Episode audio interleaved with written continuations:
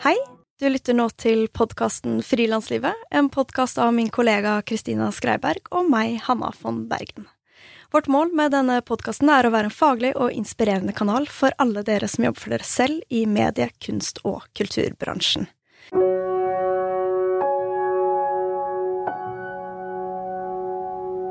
Vi vil gi en shout-out til podkasten Mamma jobber, for liker du frilanslivet, så vil du kanskje ha glede av denne podkasten også.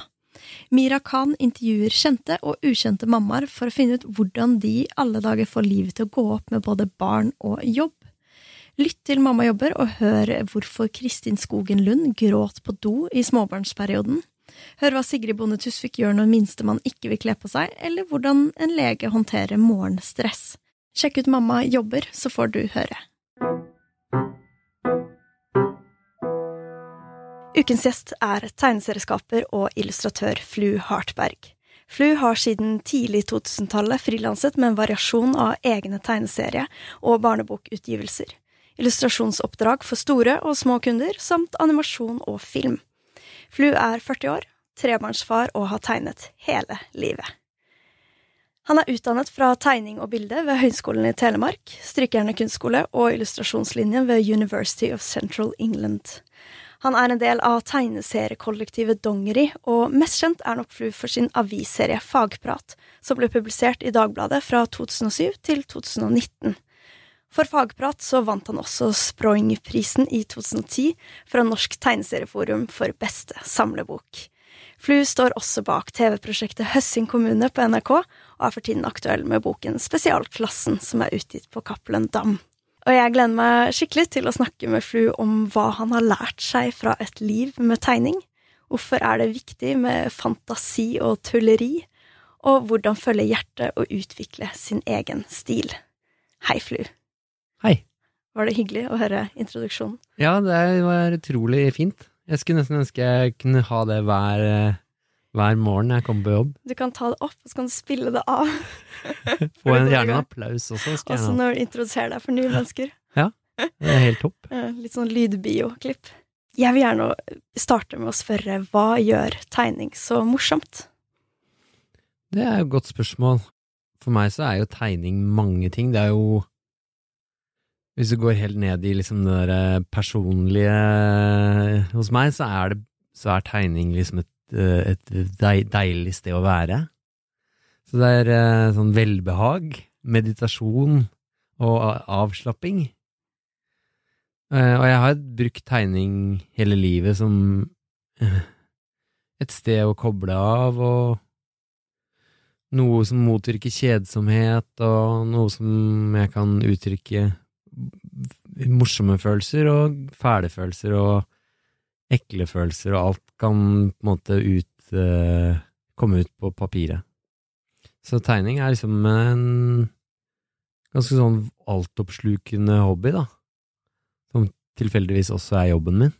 I 2017 så eh, holdt du et fantastisk foredrag eh, på Pecha Kucha Night Oslo, som jeg har vært med og arrangert en rekke år, og der var tittelen på foredraget ditt Lær å tegne tiss. Mm. Hvorfor skal vi lære å tegne tiss? jo, for det er eh, et sånn klassisk eksempel på forskjellen på det å liksom ha satt seg inn i eh, tegning som fag, eh, og bare det å ha litt sånn mer sånn Hva skal jeg si Litt sånn ignorant forhold til tegning, som de fleste på en måte har, da. Eh, eh, eksempel på det er da den, den måten ungdommer og som tegner en kukk på tavla. Um, Nå tror jeg dere som lyttere kan se for dere på en måte den klassiske penistegningen. Ja, for det er på en måte en uh, For det har alltid irritert meg som er måte, Som prøver å forstå tegning, da. Så, så jeg har aldri skjønt den derre klassiske graffiti-måten å tegne en tiss på. Fordi for meg så tenkte jeg hm, det er jo verken særlig sånn eh, Det ligner jo ikke noe særlig, og den er på en måte Den, den er ikke Den er litt sånn uærlig. Så jeg bare syns det var et kult sted å begynne å, å snakke om tegning, at, at, det er sånn Det er en tegning som alle har sett, og som alle kan forholde seg til. Mm. og så var det jo bare fint å ha med i overskriften, selvfølgelig, da. et så provoserende ord som tiss. For å vekke oppmerksomhet. Jeg liker det. Og eh, mange ser jo, som eh, du også snakker litt om nå, eh, kanskje på tegning som noe tøysete, noe lekent, litt sånn useriøst. Mm. Eh, hvorfor er tegning viktig? Ja, jeg vil jo si at det er lekent og useriøst. For meg, veldig, veldig. Men det er jo viktig også. Og den Kan du begynne med å si at den, tegn, den formen for tegning som jeg driver med, er jo egentlig bare toppen av isfjellet hva gjelder tegning. For eh, jeg driver med en form for tegning som syns for dere, andre. Men veldig mye tegning blir, er det aldri noen som ser. Fordi for eksempel alle som jobber med å tegne konsepttegninger, eh, skisser til forskjellige eh, filmer og videospill og sånn, og arkitekttegninger, plantegninger, tekniske tegninger Ja, det aller meste rundt oss begynner jo med en idé og med en skisse, rask skisse. Så tegning er et verktøy, da, og en, et språk.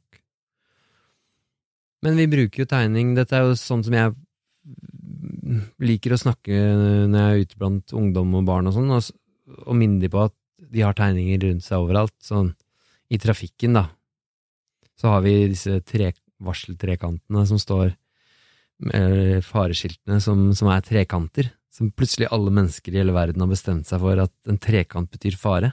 Det syns jeg er så utrolig kult. Mm. For da, det sier noe om hvor dypt tegning går tilbake i menneskets historie, da. At en trekant er, betyr at nå skjer det noe farlig. Mm. Det er Og kult. hvis du skulle skrevet fare på et språk, eh, så Eller du, da må man skrive på alle mulige Ja, da betyr det kanskje mormor på egyptisk, og så kommer det ingen vei. Ja. Så eh, tegning er jo megaeffektivt, sånn som for å kommunisere.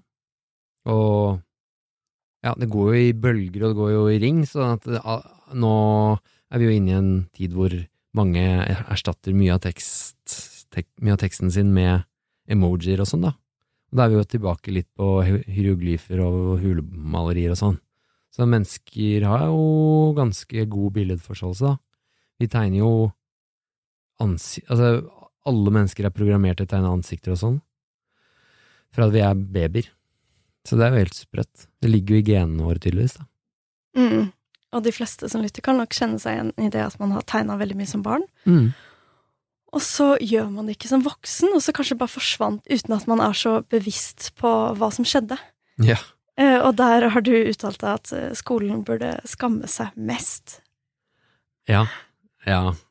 Nå er, nå er jeg samboer med en lærer, så jeg får ikke lov til å, å skjelle ut skolen så mye, men, eh, men eh, Og det kan hende det er litt annerledes nå enn da jeg gikk på skolen, men eh, for meg, som, når tegning er så viktig For meg så føler jeg at det er helt merkelig at det ikke er en større del av vår allmenn ikke, bare på- ikke bare på barneskolen, men egentlig hele liksom allmenndannelsen. At ikke tegning står mer sentralt.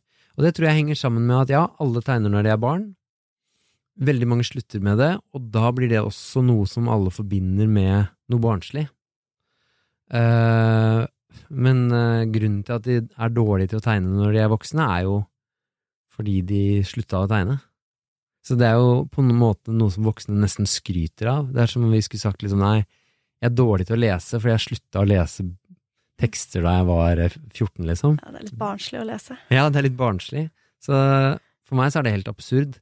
Uh, men det er klart at ja, man er jo faser av livet hvor kanskje ikke tegning er så naturlig å drive med mye, men men, øh, men jeg tror jo verden hadde sett vakrere ut da, hvis, hvis, øh, hvis folk hadde hatt litt bedre estetisk sans. Altså, igjen, det med å lese bøker er på en måte noe alle er enige om at det er veldig sunt og en bra måte å bruke tida si på. Mens øh, hvis folk øh, hadde tegnet, bare som et tankeeksperiment, da, hvis man tegna istedenfor å spille Candy Crush på telefonen når man satt på T-banen, så tror jeg det er, eh, hadde vært både mer givende for deg selv og, og, og mer eh, utviklende da, enn å Mm. Nei, så men, Mye av det blir jo litt sånn der what if, men, eh, men jeg tror eh, Jeg tror tegning ha, burde Jeg tror tegning kan ha en større plass i folks liv. Eh, så får jo folk gjøre som de vil, da. Mm. Men det er en veldig fin tanke. Jeg ser det for meg. Alle sitter her med litt notatblokk og noen fargepenner. Det er Ja. veldig mye finere enn den der eh, scrollefingeren som eh, dukker opp. Ja, jeg føler når jeg eh, en sjelden gang sitter og tegner på T-banen, så føler jeg at eh, jeg kunne- like godt sitte med et pornoblad eller noe. Folk eh, ser på meg med sånne mistenkelige blikk. Hvem er denne eksentriske mannen her? Ja. Kanskje jeg er redd for at jeg tegner dem. Ja, ikke sant. Og jeg husker fra eh, min eh, skoletid at eh, jeg var veldig glad i de kreative fagene. Men jeg husker at en gang så fikk jeg oppgave, eller alle i klassen fikk som oppgave å sy et lite forkle til en Mm. vinflaske. Ja. Og det er et godt eksempel på ja, hva skal man si? Det forsterker jo ikke lysten til å være et skapende menneske. Nei, det er jo det er, det, det er den kunstutdannelsen jeg også hadde fram til jeg, var, fram til jeg begynte på tegning, form og farge på videregående. Mm. Så hadde vi også bare forming eh, og sløyd, ja. Eh, vi tegnet litt i kristendomstimene, husker jeg. Men uten noe oppfølging, da, men da kunne vi tegne. Så da tegnet vi de ti bud. Men bortsett fra det har jeg nesten ikke hatt eh, tegning på skolen. Nå er det nok litt mer tegning på dagens læreplan, men lærerne er jo nødvendigvis ikke så drilla i det, da. Men jeg er mye rundt på skoler og snakker om tegning, og merker jo sånn Nå var jeg i sjette klasse forrige uke, og de er jo helt De elsker jo tegning. Enn så lenge. Og så møtte jeg niendeklasse uka før der igjen, og de har da de, Der også er det mange som egentlig er glad i tegning, men der er det blitt helt sånn Der skal du ikke drive med det. Det Så er det ikke kult noe- lenger. på en Nei, det er ikke, det er ikke kult nok. Det er barnslig. Så det er jo rart. Men alt, det fins alltid en og annen i hver klasse som tviholder på tegning som syssel. Men, men det er rart. Det bare Det forsvinner plutselig.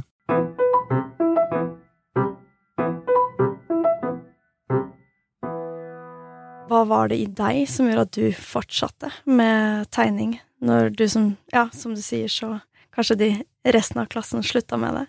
Ja. Jeg følte jo at jeg var flinkere, eller at jeg hadde både mer glede av og var flinkere til å tegne, liksom, da, enn de jeg var jevnaldrende med. Jeg var sånn utålmodig. Jeg skjønte ikke hvorfor de tegna ting på den og den måten. Sånn. Eh, Men det var jo fordi jeg var ekstra interessert i det. Men eh, nei, jeg Det er vel noe Det er vel en sånn god sirkel, da, at det, det man bruker masse tid på, det blir man jo flink til, da. Og da er det gøy å drive med også. Så for meg var det bare alltid mm, et kick, liksom. Og jeg kunne sitte med et stort ark og en kulepenn og dikte opp en verden og, en, og kriger som foregikk på arket, og plutselig var jeg et helt annet sted. Og ja, det var ikke så mye annet som kunne konkurrere med det. Nå jeg, nå er jeg jo fra en tid hvor altså barn nå til dags har mye mer underholdning overalt rundt seg, da.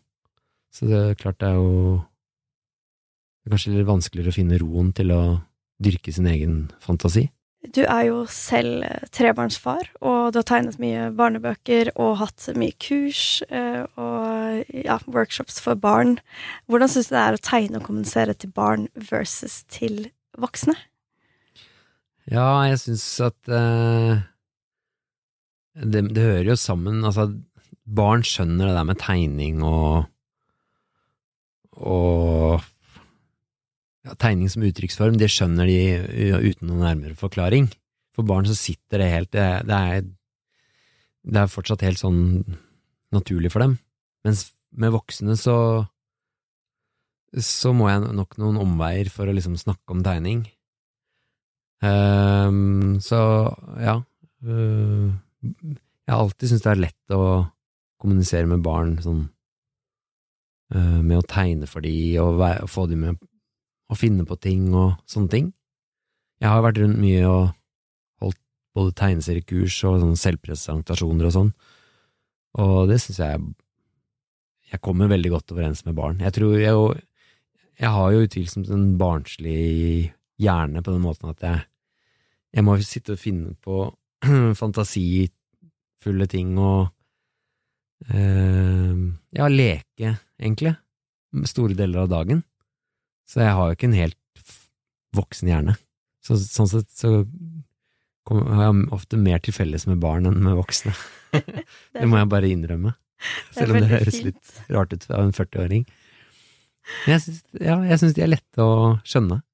Har du noen eksempler på Det er kanskje vanskelig å forklare, men eh, klarer du å beskrive hvordan den lekingen kommer til uttrykk? Ja, det kan jo for eksempel være eh, noe så enkelt som at eh, jeg skal lage et barnebokoppslag med en stor scene hvor det skal skje masse ting. Det skal være masse figurer som gjør forskjellige ting. Da er jo en del av det er jo Man må planlegge litt hvor eh, forskjellige tingene skal være på arket, men utover det så er det egentlig bare å sette seg med pennen og, og drømme seg litt bort. Og, og jeg tegner på en måte før jeg tenker. Så det er ren improvisasjon, da. Og da er det jo på en måte Da går det jo rett i fantasisenteret i hjernen. Det er jo ikke noe fornuft Det er jo ikke noe logikk blanda inn i det hele tatt. Så da Det er jo leking. Og så er det jo, ja, tegne en dame med stor minkpels, og så hm, og lekedelen er liksom da hva kan skje med den minkpelsen, ja, det kan hoppe ut lopper av den, og så kan det være en hund ved siden av som også har lopper. Altså, mm. der begynner det da, altså uh, leke rundt med de figurene. Man lager jo, du lager jo karakterer hele tiden, som på en måte begynner å leve. Og det gjør man jo også når man leker med Lego eller Plymo eller hva som helst, at eh, de Du har jo bare noen døde dokker der som du gir liv, og det samme gjør jeg med tegningene, da. Men forskjellen er at jeg skal prøve å formidle det videre til leseren òg, da. Jeg har aldri, har aldri, noe særlig problem med å finne på ting, føler jeg, men, men jeg har noen sånne jeg har noen sånne mm, stikkord som går igjen. Så jeg kan sitte og sitte og, og, holde på med noe helt konkret. Det kan være en sånn Jeg kan jobbe med noe satire rundt noen, noe ting som har skjedd i nyhetene, eller noe sånt. Og så, og så, skal jeg bare tenke hvor skal dette videre? Og da kan jeg fort ty til sånne eh, Egentlig bare ord jeg liker som har en god eh, schwung. Eh, bøtte og løk og marsvin og hoppetau og hva som helst. Og det er bare Det er, det er egentlig bare sånn indre um, ordliste over interessante ting, syns jeg, da.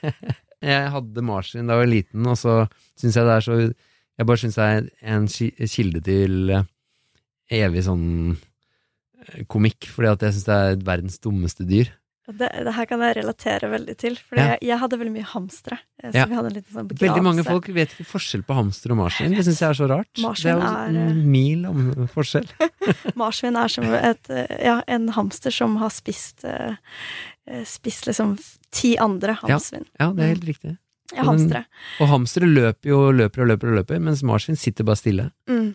Og jeg, vi hadde en liten sånn begravelsesplass i hagen for alle mm. hamstere.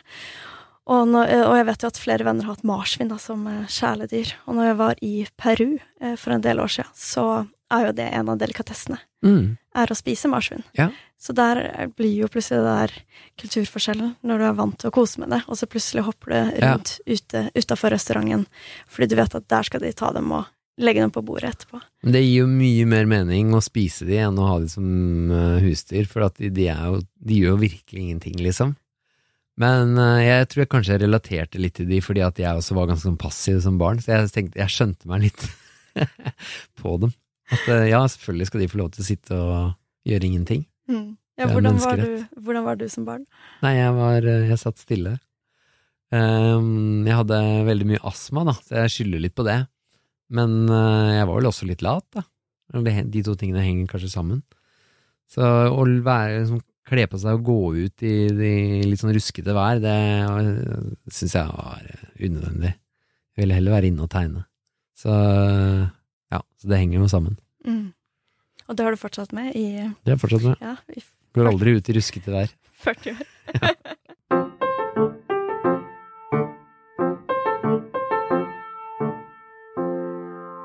Hvilke fordommer har du møtt på i forhold til det å både være frilanser og det å være en tegner? Jeg syns det var eh, Ja, det har slutta å være eh, slitsomt å forklare til folk nå de siste ti åra. Eh, men før det, fram fra jeg var 0 til 30, så var Så uh, syntes jeg det var slitsomt å svare på hva driver du med, og så skulle følge opp. Og jeg har prøvd litt forskjellig å svare ja, jeg tegner, eller jeg lager tegneserier, eller Men så har jeg jo i, starten så lev, så, I starten så levde jeg jo ikke av det. Eh, eller jeg hadde jo ofte jobber ved siden av. Eh, og så Og da, så da var jo på en måte Da visste jeg ikke helt om jeg kunne si hva, hva jobben min var. Og så etter hvert så Nei, men jeg syns det er vanskelig å Jo, jeg, jeg husker at jeg det har vært vanskelig å forklare det til folk, hva jobben min går ut på, og hvordan, peng, hvordan det går rundt, og folk spør veldig.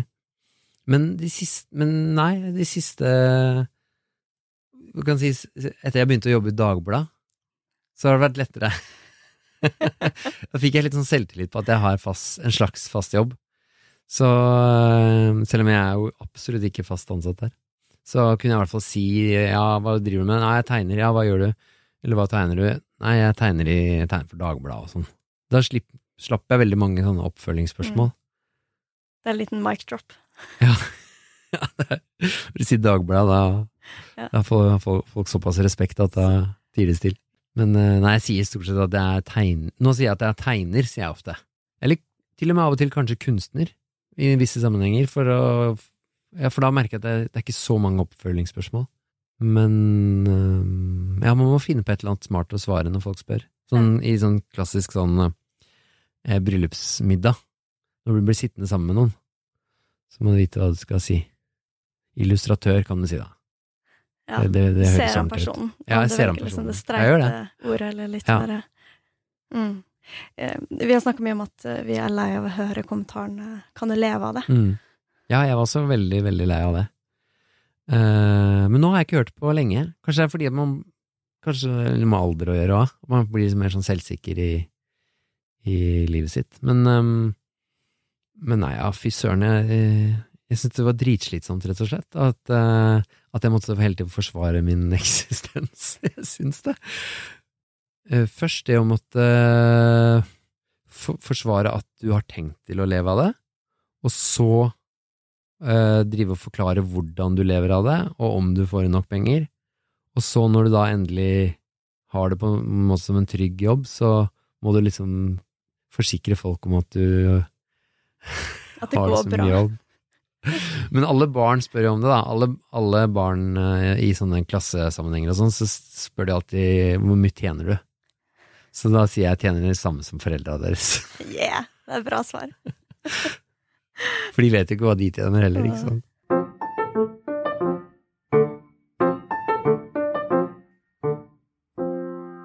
Vi har jo snakka litt om det her gå sine egne veier, altså med tegning versus kanskje det som er den standardveien da, i skolen. Og jeg har lest at du har skifta navn når du var, ble 18 år, og så ble jeg veldig nysgjerrig på historien bak eh, navnet Flu. Ok. Er det en historie du har lyst til å fortelle? Ja, det også er jo øh, Det også er et spørsmål jeg, jeg jeg får fra alle jeg møter. Ja, det, Så- det er derfor jeg følte litt, eh, litt på å spørre det, men, Nei, eh, men det, er- derfor er det heller ikke noe øh, vanskelig å. Altså, det er, det, men i likhet med hva, hva jobber du som, og går det an å ha som jobb, så får jeg alltid også oppfølgingsspørsmål til navnet mitt, ikke sant? Eh, Det vil si, aldri fra barn. Fordi, og de er så vant til at eh, de har mange i klassen som heter spesielle navn fra alle verdens hjørner, så de spør aldri. Mens voks, godt voksne særlig spør. Og det er jo slitsomt på en måte å ha Eller det er jo Det lugger jo litt å ha et uh, uvanlig navn sånn. Fordi det Av og til så orker man ikke å ta den samtalen. Og da sier jeg Da kan jeg bare finne på en løgn. ja. hva, er, hva slags løgner har du Nei, sagt? da? ja, av og til har jeg sagt at det er et samisk navn, for jeg er ikke same. Men jeg tenker at da tenker de at jeg er same. Og så da vil de ikke følge Da vil de ikke liksom plage meg mer med det. Det har jeg sagt noen ganger. Også, men sannheten er at jeg heter egentlig Ole Fridtjof. Eh, og det het jeg på en måte hele barndommen fram til jeg var seks-sju år. Vi flytta til Oslo fra Biri. Og eh, begynte på skole og fikk en, øh, liksom en bestekompis som bodde rett i nærheten, og han øh, syns vel Nei, nå skal jeg fortelle helt akkurat sant sånn som det er. Jeg har slekt fra England, og, og jeg fortalte om at de uttaler ord på Når de snakker norsk, så snakker de litt sånn rart. Så da sa de flu istedenfor fly. At de hadde kjørt med flu til Norge. Det fortalte jeg til kompisen min, og han og jeg, vi begge hang oss opp i det ordet. Vi syntes det var morsomt, et morsomt ord. Så vi gikk rundt og sa flu, og så ble jeg da bytta fra Ole Fridtjof til Ole Flu, som igjen begynte å spre seg litt i klassen og sånn. Og så, så likte jeg det litt selv også, Flu. Eh, og i løpet av ganske kort tid så var det det jeg het. Eh, i, hjemme blant søsknene mine og i speideren og på skolen. Så da jeg var eh, Ja, så signerte jeg selvfølgelig tegningene mine og sånn med Flu, og så i, på videregående skole så Ja, så ja, lang historie da, men, men, men mye skjedde. Eh, litt sånn identitetskrise sikkert i forbindelse med ungdomsåra, og så syns jeg at Flu var et, en person jeg godt kunne tenke meg å være, hvis du skjønner hva jeg mener. Mm. Og det hang jo også sammen med at jeg hadde bestemt meg for, liksom, for å bli kunstner og sånn. Så det var greit hete Flu. Og så skifta jeg navn til det på papiret så fort jeg kunne. I det siste, siste tida så har jeg tenkt at, at jeg kanskje ikke skulle gjort det. Aha, ok. Hvorfor? Nei, jeg sto liksom Jeg skulle til sånn legetime, og så måtte jeg nok en gang stå og forklare det der flu til en eller annen resepsjonist. Jeg tenkte at eh, det er jo dust å være 40 år og ha sånt eh, tullenavn. Men eh, så at det kanskje burde hete Ole Fridtjof på papiret, og så og så at jeg kunne ha Flu som kunstnernavn. Men da måtte jeg finne ut hvem Ole Fridtjof er, for det, det har jeg aldri helt skjønt, da. Mm. Var det ikke Du identifiserte deg Men jeg hadde litt problemer med, med det navnet alltid. Mm. Så, så jeg, ja, på en måte har jeg alltid misunt de som heter noe sånn helt tydelig. At du heter Per, og ikke noe mer.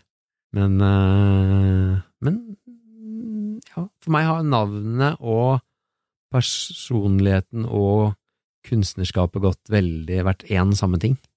Ja, for det er akkurat det jeg tenkte å si, at eh, det slår meg som veldig passende til deg, fordi eh, det kommer ut fra en slags sånn lekenhet, da. Ja. Og det er jo litt essensen i også det å tegne, lage fantasiverdener, klare å se på ting på en litt annerledes måte, og litt gå sin egen vei. Ja. Mm. Hvorfor ikke? Jeg, jeg kan være sånn forsøksdyr, på en måte, om det er lurt. I et intervju fra Natt og Dag fra 2016, så det er en stund siden, så sier du at du, du brukte mye tid på å være sinna før. Mm. Eh, og har blitt, du har blitt mildere med årene. Og, og jeg ble litt eh, nysgjerrig på å høre hvor mye av din inspirasjon eh, har kommet fra måte, irritasjon eller bitterhet eller sinne. Det var hyggelig å høre at jeg syns at jeg var blitt litt mindre sint eh, et øyeblikk der i natt og dag, men jeg tror det har kommet tilbake igjen i så fall. Uh, Huff, ja. Jeg tror ikke jeg var så sinna som barn, uh, så det kom nok seinere. Jeg var veldig opprørsk som ungdom, og, det, i det så ligger det jo en del sinne.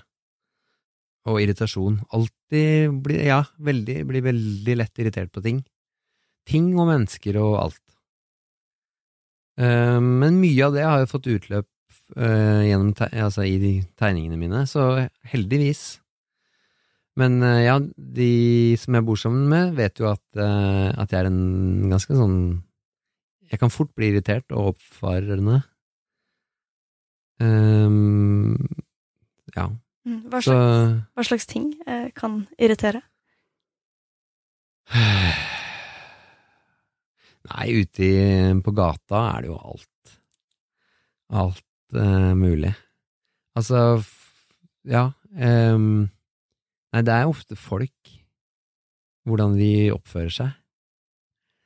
Eh, så kan jeg bli irritert på meg selv også.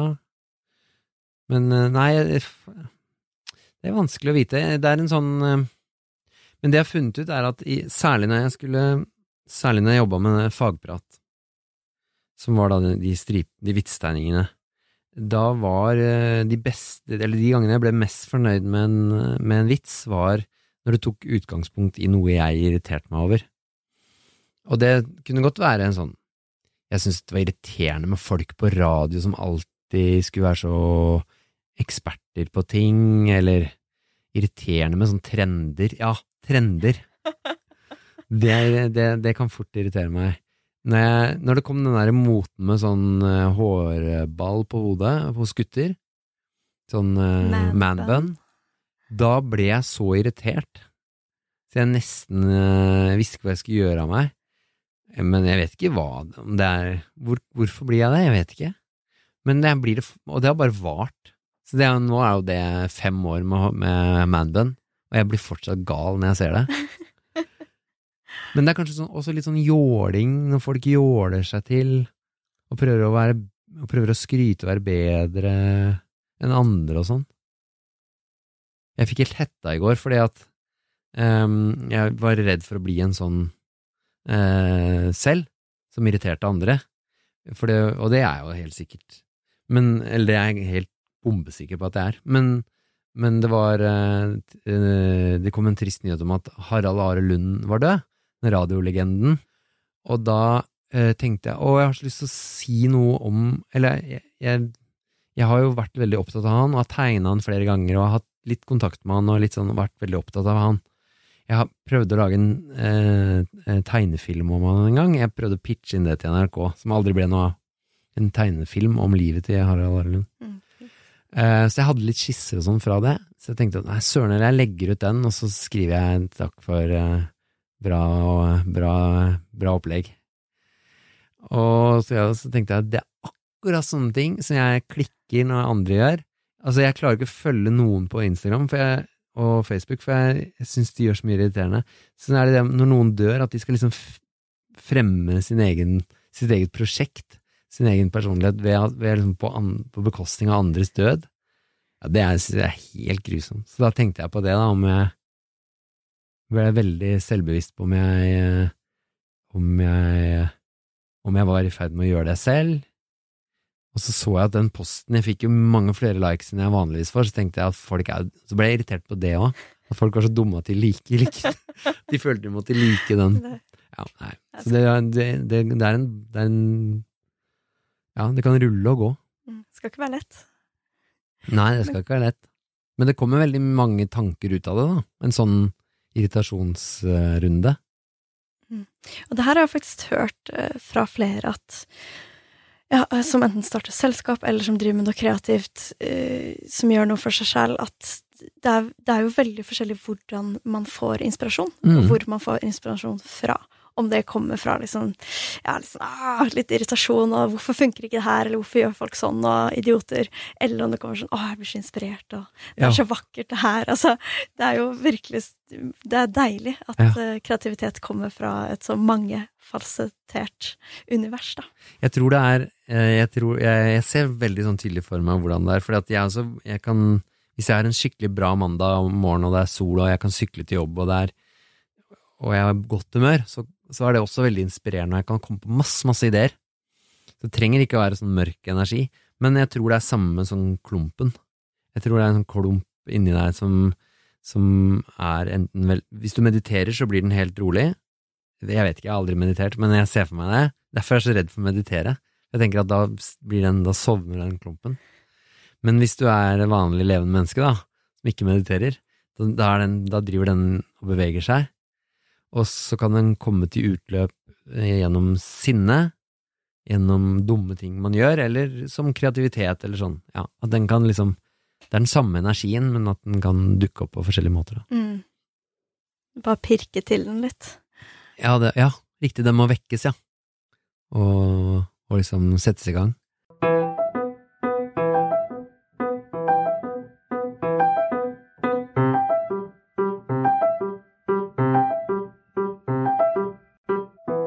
Jeg får et inntrykk av at du er eh, veldig opptatt av å respektere at tegning er et håndverk. Kan du fortelle litt om ditt syn på det? Jeg tror det er i ferd med å forandre seg nå. Ja.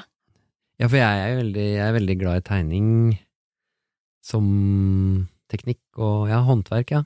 Men, men det er jo det jeg har drevet med, opp til et visst punkt. Det finnes jo tegnere som er mer, enda mer tekniske enn meg.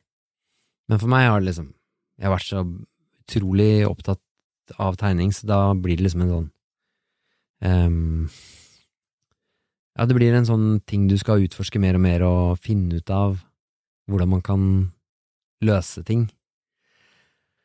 Så det har vært utrolig vrient for meg å akseptere at det fins andre, kun, andre kunstneriske uttrykk. Sånn derre Ja, sånn som na, litt sånn naive måten å tegne på, på som herjet liksom på 90-tallet og sånn.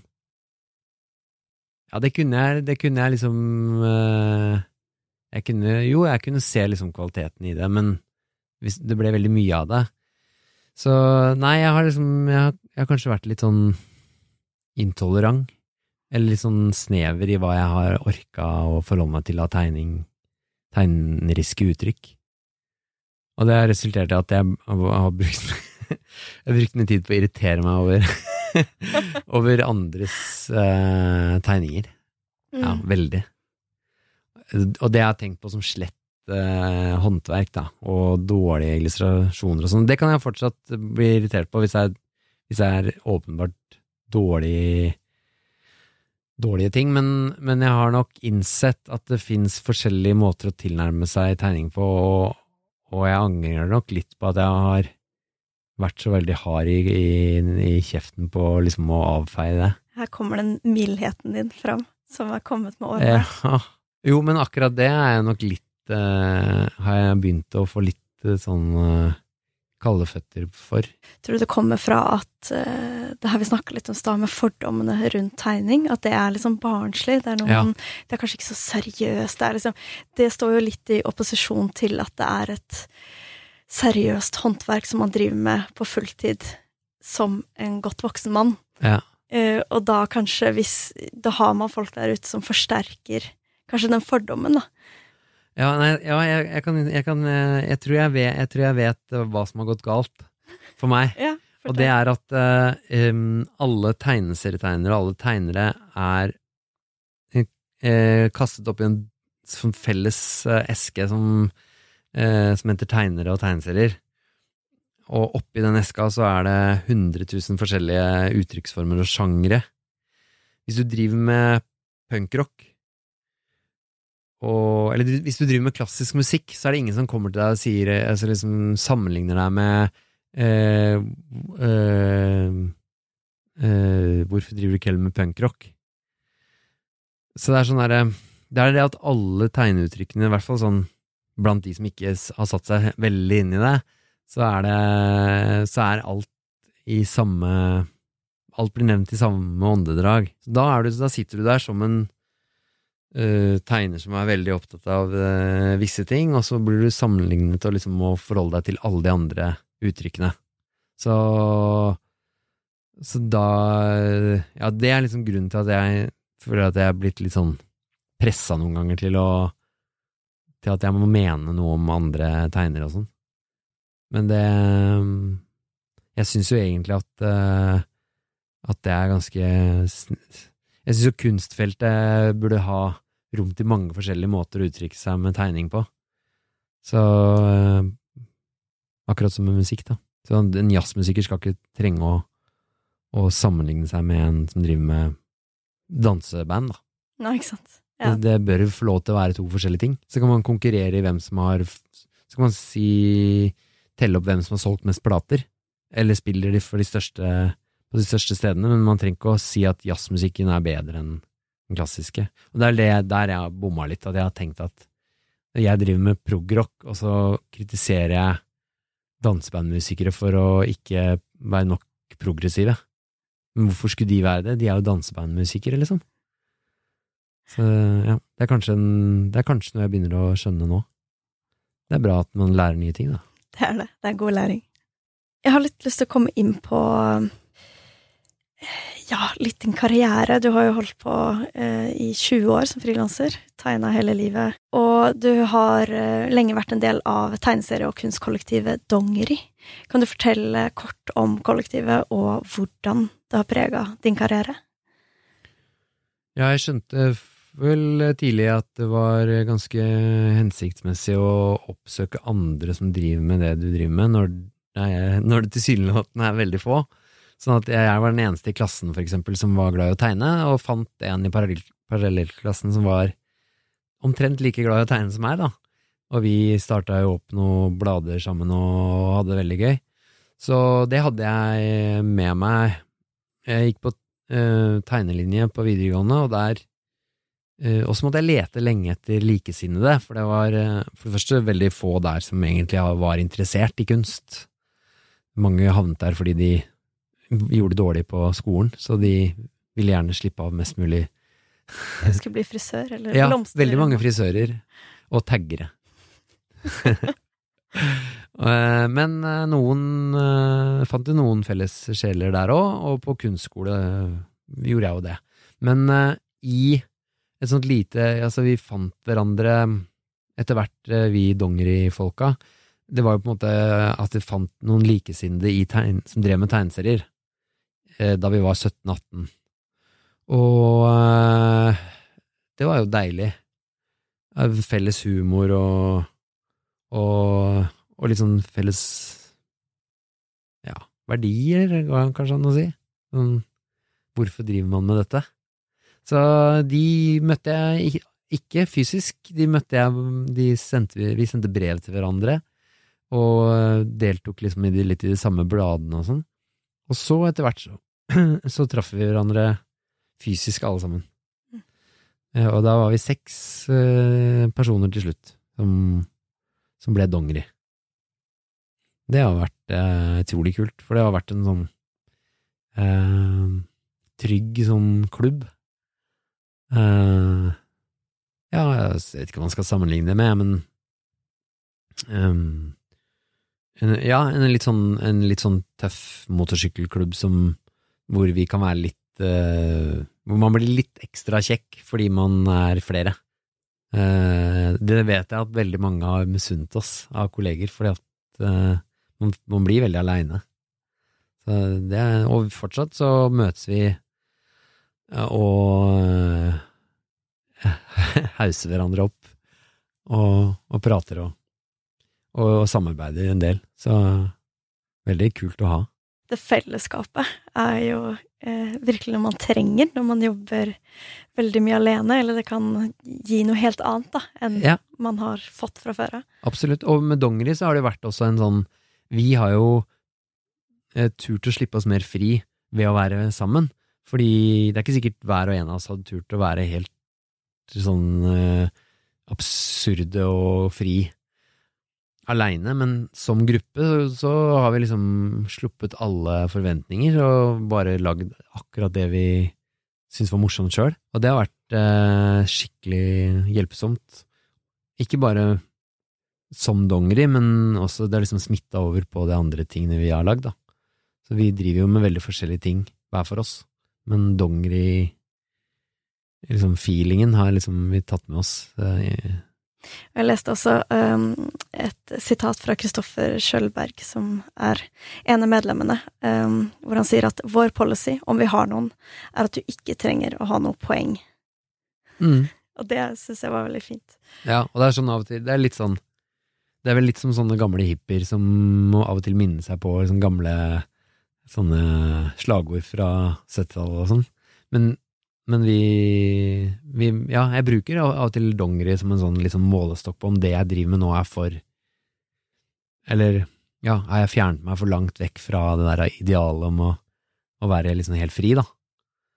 Og Kristoffer, som du nevner, han deler jeg jo kontor med. Han er kanskje den som mest av oss er liksom kjernen til det der, den tanken, da. At han, han er på en måte en sånn trollmann som som sitter på oppskriften for oss. Men uh, vi deler jo kontor uh, hver dag, uh, han og jeg, og da er det, da er det ikke dongerimedlemmer. Vi er på en måte, da er vi helt seriøse illustratører. Vi, men når vi er sammen med de andre dongerimedlemmene, så blir vi liksom dongeri igjen. Så det er sånn vi, vi prøver ikke å miste det helt, ass. Det er jo faren med å bli 40 og alt det der, er at du fort kan glemme idealene dine. Det er skummelt. Og i forarbeidet til dette intervjuet så har jeg på en måte prøvd å få oversikten over mengder av bøker, tegneserier og arbeider du har skapt, og på din nettside så trekker du frem eksempler på publiserte verk, og der er det en liste med 21 ulike utgivelser. Og i tillegg så har du jo vært illustratør og serietegner for veldig mange ulike aviser, magasiner, diverse kunder. Så du slår meg som en meget aktiv eh, tegneserieskaper og en person med mye fantasi, mye ideer. Eh, så jeg lurer på hva, hva er det som driver deg? Mm. Jeg er litt redd for å Hvis jeg ikke holder på med nok prosjekter, at eh, jeg, jeg, blir nødt til å ta meg en, eh, en annen type jobb, da. Så det er redsel som driver deg? Nei, jeg tror ikke det. Men jeg, men jeg tenker jo det Alternativt, hvis jeg hadde satsa mindre i starten, så hadde jeg måttet jobbe med noe annet. Og det ser jeg for meg at jeg hadde takla dårlig, kanskje. Jeg tror jeg godt kunne drevet med mm, andre ting, men Men jeg vet ikke. Så Men tegning vet jeg at jeg er trygg i å drive med, på en måte. At det er det, det mestrer jeg. Så da har jeg liksom Jeg har prøvd å ikke overlate til tilfeldighetene hvilke jobber jeg skulle ende opp som da, med, da. Ja, så det er jo en drivkraft. Selvfølgelig. Det er en slags ambisjon om å ha det som en ok jobb.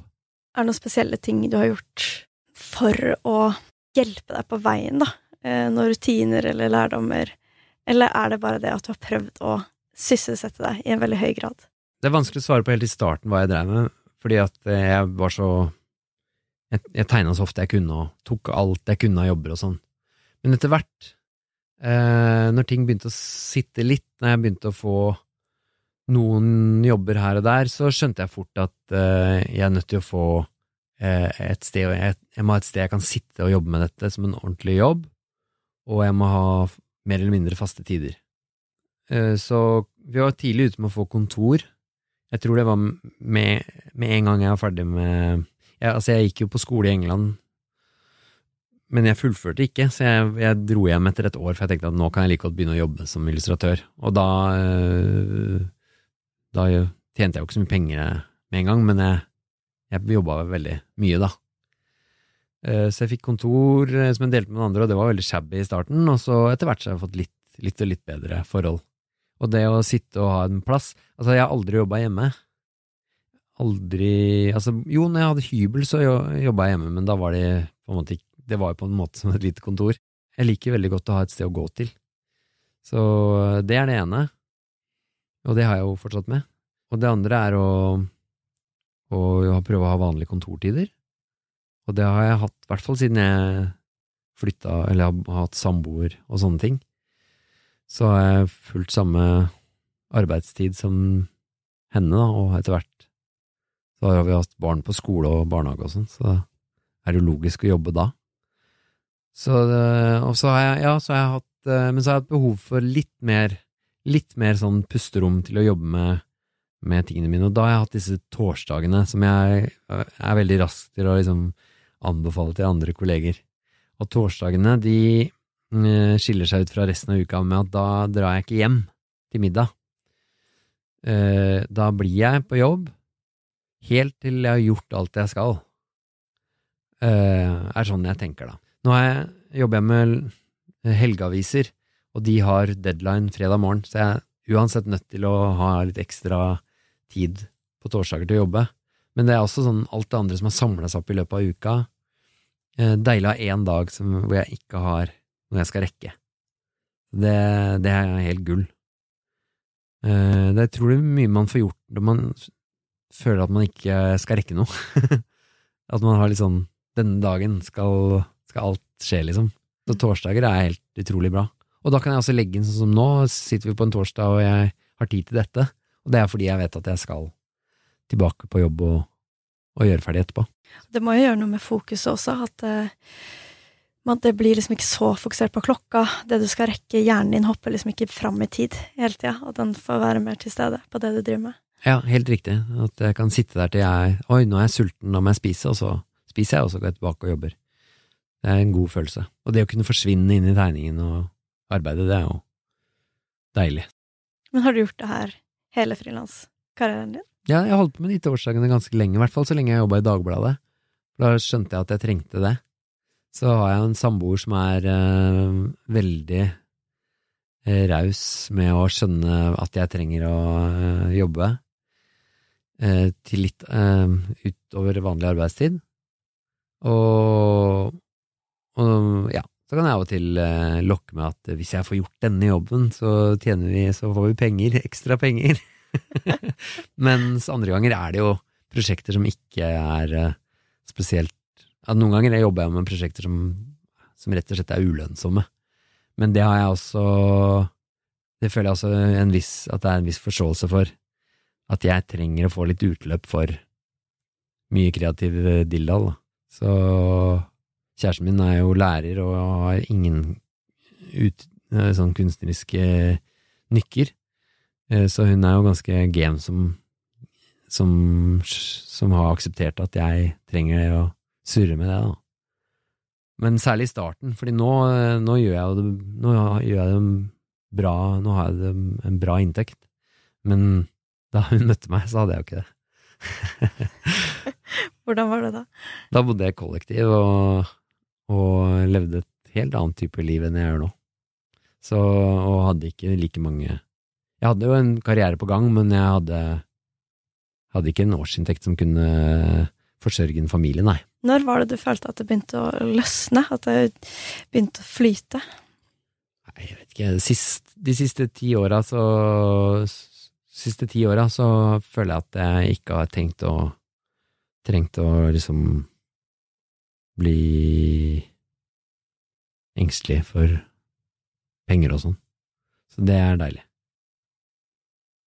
Um, men jeg tar det ikke noe, som noe selvfølge. Jeg, jeg, jeg, vet utmerket godt hvordan det er å ligge mange uh, tusen i minus så, uh, og sitte uten oppdrag og sånn. Men uh, det har heldigvis ikke skjedd til nå, og jeg føler at det er litt sånn Jeg må holde hodet litt kaldt og tenke at det går bra. Og sette i gang egne prosjekter også, som gjør at jeg aldri sitter og tvinner tommeltotter, for det er en sånn destruktiv greie.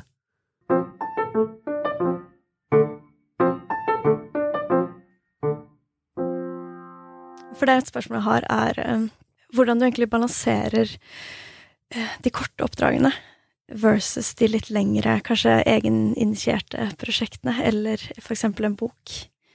Hvordan jobber du med den balansen eh, mellom det korte og det langsiktige? Ja, det er et bra spørsmål. Eh, jeg har ikke tenkt så mye på, men jeg eh, har jo egentlig ganske system på det òg. Jeg, eh, jeg, er jo held, veldig heldig som har fast oppdrag hos Dagbladet hver uke. Og det er jo nok til at jeg skulle klart meg sånn Eh, jeg skulle i hvert fall klart å overleve på de penga. Så, så, det er veldig digg, og det har jeg Si at det er to dager i uka omtrent hvor jeg jobber med det. Jeg lager en, en sånn kommentartegning og en, og en tegneserie til Dagbladet. Og da er det to dager, og så har jeg tre dager til, arbeidsdager, hvor jeg kan jobbe med eh, sånne andre typer prosjekter. Og det kan være, eh, hvis det kommer inn en, en hastejobb, fra et eller annet reklamebyrå eller eh, hva som helst. Forlag som trenger tegninger til en skolebok, eller ja, det kan være alt mulig. Så kan jeg kaste meg rundt ofte og, og, og sette av tid til det. Og så har jeg ofte i tillegg en barnebok som skal kanskje leveres om et halvt år. Jeg har eh, kanskje en tegneserie, en roman, som jeg ikke vet når skal bli ferdig. Og jeg har eh, ofte også sånn litt mer løse, litt sånn Hva skal jeg si, ja, uh, tullete prosjekter som jeg verken tjener penger på, eller jeg vet helt hvorfor jeg driver med, men jeg bare syns det er gøy, da. Så jeg, jeg sjonglerer jo de tingene, men jeg tar jo hele tiden Jeg har en prioritering som gjør at hvis det er noe som haster, og som jeg vet jeg må på en måte prioritere på grunn av det er penger jeg trenger, da, så kan jeg liksom legge det øverst i bunken. Men det Så det det blir jo noen prosjekter som alltid blir dytta nederst, og det merker jeg jo, men sånn er det bare. Ja, og det kan jo ofte være de morsomste prosjektene, fordi de nødvendigvis kanskje man ikke vet helt hva leder til, eller ja, Ja, kanskje. Eller. Eller sånn tegneserieroman, den store tegneserieromanen som er veldig ambisiøs, som jeg eh, så for meg for ti år siden skulle bli skikkelig sånn episk, men som egentlig er litt kjedelig å jobbe med. som jeg hele tiden dytter lenger og lenger ned, men så tenker jeg åh, den kan jo bli ordentlig fin, da. Mm. Som jeg tar fram gang på gang. Og hvis du misser 50-års, eh, din, så har du alltid 60-årsdagen Ja. å jobbe til. Absolutt. Det kan til og med bli sånn Kanskje det kan være litt sånn fint å tenke på at jeg dør, og så finner de den, og så tenker jeg dette er Flus ufullendte lystverk. Så er det en annen tegneserieskaper Ja. som legger ut et, en tegning av deg, og hedrer deg, og får masse likes. Ja, så masse likes. Man kan bruke min død, ja, til å, til å eh, bygge opp sin egen karriere. Mm, Ja, det er flott. det, er, Circle of life. det er veldig fint. Det syns jeg mm, egentlig er en veldig fin, eh, fint sted å avrunde på. Tusen takk for at du kom hit. Bare hyggelig. Ha det. Hvis du likte det du hørte, så setter vi utrolig pris på om du har lyst til å dele det med andre frilanskolleger. Det betyr masse for podkasten og for muligheten vår til å fortsette å lage bra innhold. Takk.